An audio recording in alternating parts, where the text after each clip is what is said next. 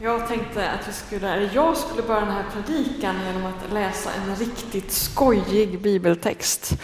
Och du finner den i Saltaren i Bibelns bönebok. Ett tag så fanns jag med i ett kollektiv där vi hade bönegudstjänster där vi växelläste saltarsalmer. Och när vi kom till den här salmen då var det lite svårt att hålla sig för skratt ibland. Den är lite, lite udda, lite märklig. Men vi läser den. Psalm 133.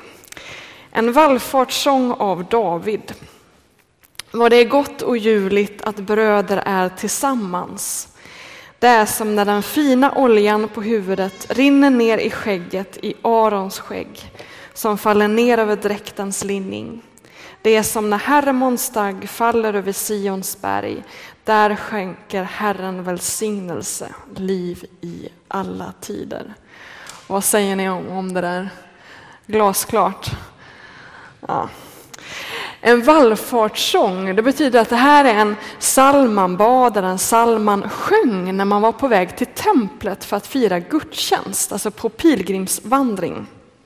Eh, och så säger man detta, åh vad gott och ljuvligt när vi får vara tillsammans, alltså när vi får komma till templet och vara tillsammans. Och så har man den här märkliga liknelsen, eh, att det är som när den fina oljan rinner ner i skägget, och då inte vilket skägg som helst, utan Arons skägg. Vad är detta? Eh, jo, Aron var ju Israels första präst. Och när man smorde någon till kung eller gjorde någon till präst, då hällde man olja över den personen och det var tecknet på Guds ande, Guds närvaro, tecken på välsignelse. Men, men det låter ju ändå ganska konstigt med den här förklaringen. Och, och det, det konstiga är också det här vad det är gott och ljuvligt att bröder är tillsammans. Bröder syftar inte på blodsbröder utan trossyskon, alla Ehm, alla som eh, drog upp till den här gudstjänstskaran. Och så är det ju inte. Det är ju inte alltid gott och ljuvligt när trossyskon är tillsammans. Eller vad säger ni? Speciellt sådana som tycker och tänker som jag, de är inte alltid jätteroliga att vara med. Ehm.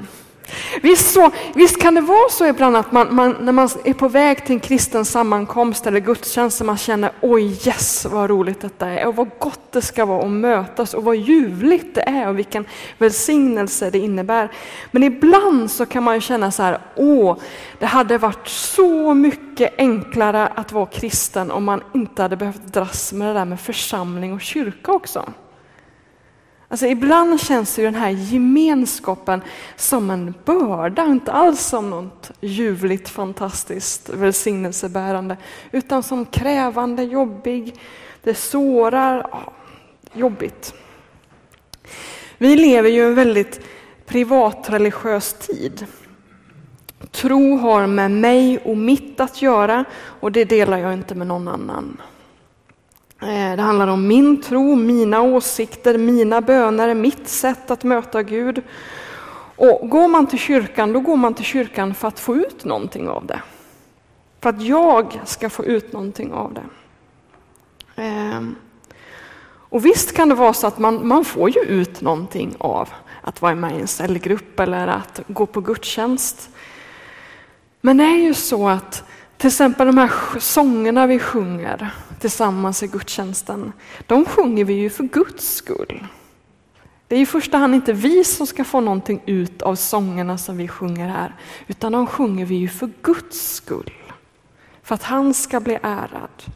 Alla sånger kanske inte ger mig någonting, men alla sånger som uttrycker tillbedjan och vördnad, de ger Gud någonting och det är nog. Liksom. Det är nog. Och församling, det är i första hand inte någonting som du ska vara med, om, med i för att få ut någonting av det, utan du ska vara med här för att du sitter ihop med oss. Är du döpt, är du kristen, då sitter vi ihop. Du kommer inte loss, det är bara att inse fakta. Och är du inte döpt, då är du välkommen att sitta ihop med oss. Vi vill bli fler, vi vill bli fler. Och så välkommen in i vår gemenskap. Men är du döpt, då är det oss du får dras med ända in i evigheten. Så är det. Det finns en, en sång i psalmboken som vi sjöng, i alla fall när jag var liten, eh, på barnsamlingar. Eh, och jag har faktiskt varit med om att vi har sjungit den på ett församlingsmöte en gång här. Eh, vi ska titta på texten. Känner ni igen den, en del av er? Vi sätter oss i ringen och tar varann i hand. Vi är en massa syskon som tycker om varann. För Gud är allas pappa och jorden är vårt bo och vi vill vara vänner med alla må ni tro. Den är skriven 1969, det märks. Vad ska man säga om den här sången? Vi är massa syskon som tycker om varandra. Är vi det? Ja, vi är ju syskon, men frågan är, tycker vi om varandra? Gud är allas pappa och jorden är vårt bo. Ja, så är det. Men så kommer den här, och vi vill vara vänner med alla må ni tro. Och det säger vi på ytan. Vi vill vara vänner med alla, men frågan är, vill vi verkligen det på riktigt seriöst? Vi har ju en vision här i församlingen som lyder så här. Kommer upp på väggen också. Vi vill vara en öppen och generös gemenskap där allt fler möter, följer och formas av Jesus. Och det är ju fint och det är bra. Men om sanningen ska fram, orkar vi det? Orkar vi vara en öppen och generös gemenskap? Det finns ju rätt mycket människor som är ganska jobbiga. Vill vi vara en öppen och generös gemenskap? Vi vill ju ge sken av att vi tycker om varandra och att vi vill vara vänner med alla. Och det är fromt och bra, men frågan är det sant? Är det sant? Jag tror att det är jätteviktigt att erkänna den dubbelheten i sig själv. Att ja, jag vill detta. Jag vill tycka om alla människor. Jag vill vara öppen och generös. Och samtidigt så finns det någonting i mig som tänker Åh, vad jobbigt det här är. Det är mycket bättre att vara kristen själv och slippa dras med andra. Eller möjligtvis vara kristen tillsammans med dem som tänker och tycker precis som jag och tycker om samma sånger som jag och samma instrument som jag. Då kan jag vara kristen. Det kan vara smärtsamt att vara församling. Vi håller ju på kring det som är nära, det vi brinner för, det vi önskar, det vi längtar, och vi kommer med vår hunger och vi törst. Och där kan man ju bli riktigt, riktigt sårad. Det gör ont att vara församling ibland.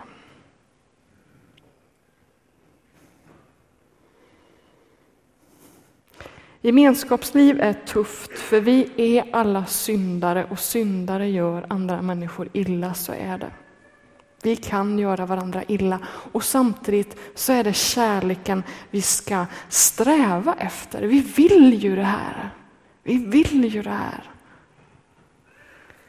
En församling, det är en skola för kärleken. Det är en gemenskap där man tränas att älska alla sorters människor.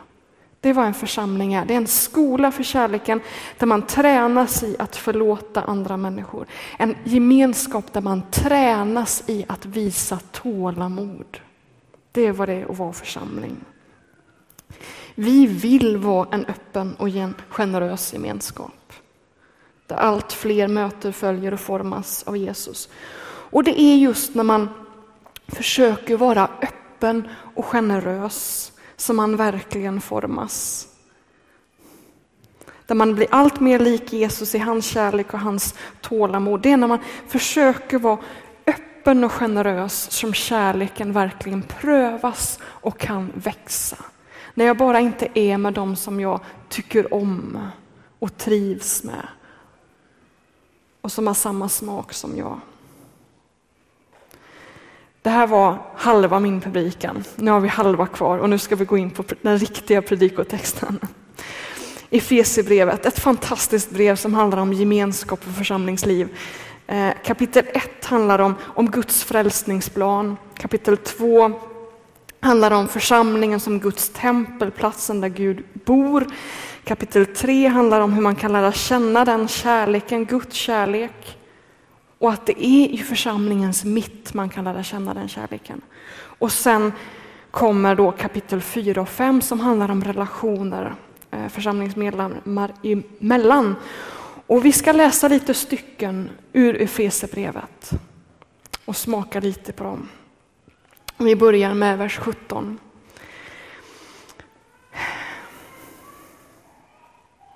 Och det börjar med ett därför. Eh, och det Paulus precis har sagt är att det är genom att församlingsmedlemmarna hjälper varandra som församlingen kan växa. Det är i mötet församlingsmedlemmar emellan som det sker någonting, som det sker en växt. Och så säger han så här, Paulus, därför besvär jag er för Herrens skull. Lev inte längre som hedningar deras tankar är tomhet, deras förstånd förmörkat och det står utanför det liv som Gud ger därför att de behärskas av okunnighet och är förstockade i sina hjärtan. Utan någon skamkänsla ger det sig hän åt utsvävningar och lever ett alltigenom orent och själviskt liv. Men så är det inte med er, ni har ju lärt känna Kristus. Kom igen, säger Paulus. Lev inte längre som förut. Lämna själviskheten bakom er. Kom igen. Ni har ju lärt känna Kristus, kärleken själv, han som har gett sig för alla. Lämna det där bakom er. Han erkänner att det finns. Han erkänner att själviskheten finns mitt ibland bland oss i församlingen, för vi är ju syndare. Men han säger, lämna det bakom er. Ni har lärt känna Kristus. Och så fortsätter han så här, vers 22. Därför ska ni sluta leva som förut. Ni ska lägga av er den gamla människan som går undan bedragen av sina begär. Det är ett fint uttryck, bedragen av sina begär. Se till att ni förnyas i ande och förstånd och att ni klär er i den nya människan som har skapat efter Guds bild med den rättfärdighet och den här helighet som hör sanningen till. Alltså det Paulus säger, kom igen, låt er förvandlas. Låt er förvandlas. Paulus vet att det är tufft. Paulus vet att det är ett arbete. Han vet att vi, visst vi är massa syskon, men han vet att vi inte av oss själva tycker om varandra. Vi behöver bli förvandlade. Och han säger, se till att ni förnyas och förvandlas. Klä er i den nya människan, det vill säga Kristus. Ta på er Kristus. Alltså man kan få hjälp i detta. Man kan få hjälp av Kristus för att kunna bli en älskande människa. Det här är inte någonting som vi kan fixa på egen hand liksom att, genom att dra oss själva i håret. Ta hjälp av Kristus, klä på er den nya människan. Gud kan hjälpa oss att älska och att ha tålamod. Och så säger han så här, vers 25, han fortsätter. Lägg därför bort lögnen och tala sanning var och en till sin nästa. Vi är ju varandras lemmar. Grips ni av vrede så synda inte. Låt inte solen gå ner över er vrede. Ge inte djävulen något tillfälle. Alltså han säger, tala sanning till varandra. Ni, ni sitter ju ihop. Skvallra inte om varandra. Ni är ju syskon, kom igen. Prata inte skit. Tänk på att vi sitter ihop, vi är en kropp tillsammans. Slår du på någon annan så slår du på dig själv. Vi sitter ihop, tala sanning, prata inte skit. Och så skriver han så här, när du blir arg, bli arg på rätt sätt. Ge inte djävulen något tillfälle. Djävul på, djävul på grekiska betyder den som sliter sönder, den som splittrar. Ge inte djävulen tillfällen att slita isär, splittra. När ni blir arga, blir det på rätt sätt. Och så fortsätter han så här. Vers 30. Gör inte Guds heliga ande bedrövad. Den är sigillet som utlovar frihetens dag åt er. Gör er av med all elakhet, vrede, häftighet, med skymford och förolämpningar och all annan ondska. Var goda mot varandra, visa medkänsla och förlåt varandra liksom Gud har förlåtit er i Kristus. Ta alltså Gud till föredöme som hans älskade barn. Lev i kärlek. Så som Kristus har älskat oss och utlämnat sig själv för vår skull som en offergåva. Ett välluktande offer åt Gud. Gör inte Guds heliga ande bedrövad. Kom igen, lägg bort allt detta. Elakhet, vrede, det där är lite märkligt. I, i, I förra stycket så skrev han ju när ni grips av vrede så synda inte. Och det är ju att, att vara arg i sig är inte en synd. Men det är sjukt lätt att synda när man är arg. Och bäst är nog att lägga bort det helt och hållet. Gör er av med vrede, häftighet och skymford och förolämpningar och all annan ondska. Var goda mot varandra. Paulus vet att detta finns i en kristen församling, så är det. Det här finns mitt ibland oss. Det finns vrede, det finns skymford, det finns ondska. Vi är syndare, men han säger lägg bort det. Låt inte er bli bedragna av dessa krafter, era begär som bara får detta att flamma upp. Låt er förvandlas. Och det viktigaste av allt, Förlåt varandra. Förlåt varandra. Liksom Gud har förlåtit er i Kristus. Jag var med i en församlingsgemenskap ett tag där vi firade nattvard varje vecka. Och innan vi delade bröd och vin med varandra så läste vi just dessa verser. Förlåt varandra. Liksom Gud har förlåtit er i Kristus. Lev i kärlek. Så viktigt.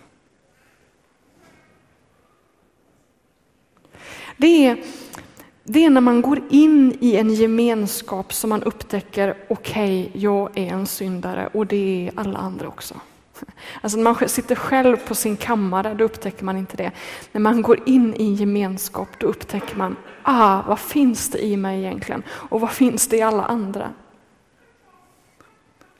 Jag har ju varken man eller barn, men jag kan utläsa på Facebook och det jag hör, att när man får barn får en familj, då upptäcker man oh, wow, vilken förmåga till kärlek jag har. Det väcks så mycket. Och samtidigt så verkar det som att man också upptäcker oj, oj, oj, vilken syndare jag är. Alltså att leva ett familjeliv, att leva tillsammans, det väcker både kärlek och vrede. Vi upptäcker både vår förmåga att vara lika Gud i hans kärlek och vi också upptäcker också, oj oj oj vad brustna vi är. Det är en gemenskap, man upptäcker det. Och jag skulle till sist i den här predikan vilja uppmuntra dig i att gå in i detta. Gå in i detta med gemenskapsliv. Och speciellt du som lever lite på kanten, som är här ibland och inte riktigt vågar träda in att du inte vågar bli medlem i den här församlingen eller engagera dig eller någonting eller gå med i en cellgrupp. Du lever helst kristet liv på egen hand. Det går inte. Det är det här det handlar om. Det handlar om att, att, att förenas allt mer. Det handlar om att vara med i gemenskap och lära sig att älska och förlåta. Och du kommer få massa anledningar att förlåta. Här är det inte perfekt. För här håller vi på med det som är nära och då blir det konflikter, det blir jobbigt. Du kommer få jättemånga chanser att träna på förlåtelse. Varsågod.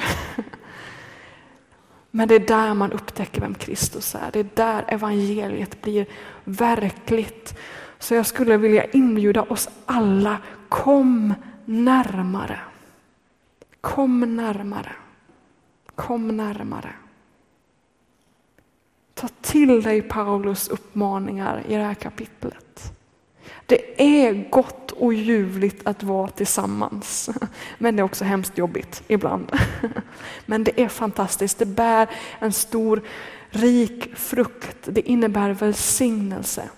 Vill vi ta detta på allvar, då är Gud där. Då är Gud där. Om vi tar detta på allvar, erkänner den dubbelheten i oss. Att vi ju vill vara goda människor, men vi är inte goda människor. Men vi håller på. Församlingen är en skola för kärleken. Öva dig i en cellgrupp till exempel.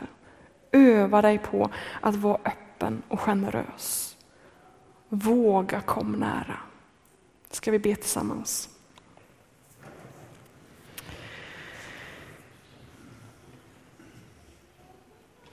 Jesus, vi tackar dig för att du inte övergivit oss, utan du har förlåtit oss och du har älskat oss och du älskar oss just nu. Och du älskar hela denna brustna värld. Och jag ber att din församling i den här världen skulle bli ett salt och ett ljus mitt i konflikter. Herre, du vet det som pågår i vårt eget land, allt det som har hänt kring Sverigedemokraterna den här veckan. Vi ber att vår församling skulle få bli ett salt och ett ljus i Linköping som vittnar om gemenskap som går djupare, djupare än nationsgränser, eh, ursprung. Du vill forma ett enda folk och jag ber att vi skulle få vara med och vittna om det i Linköping. Låt det här få bli en plats där man lär sig kärlek. Låt det här få bli en plats där man lär sig försoning. Låt det här få bli en plats där man övas i att vara barmhärtig. Hjälp oss att komma överens. Hjälp oss att kunna ha konflikter som, som det kommer någonting gott ur. Välsigna vår gemenskap, välsigna varje liten grupp, servicegrupp och cellgrupp och ledargrupper. Låt det här få bli en gemenskap som svämmar över av kärlek. Hjälp oss att kunna leva i den här visionen att vara en öppen och generös gemenskap. Vi ber om det. Amen.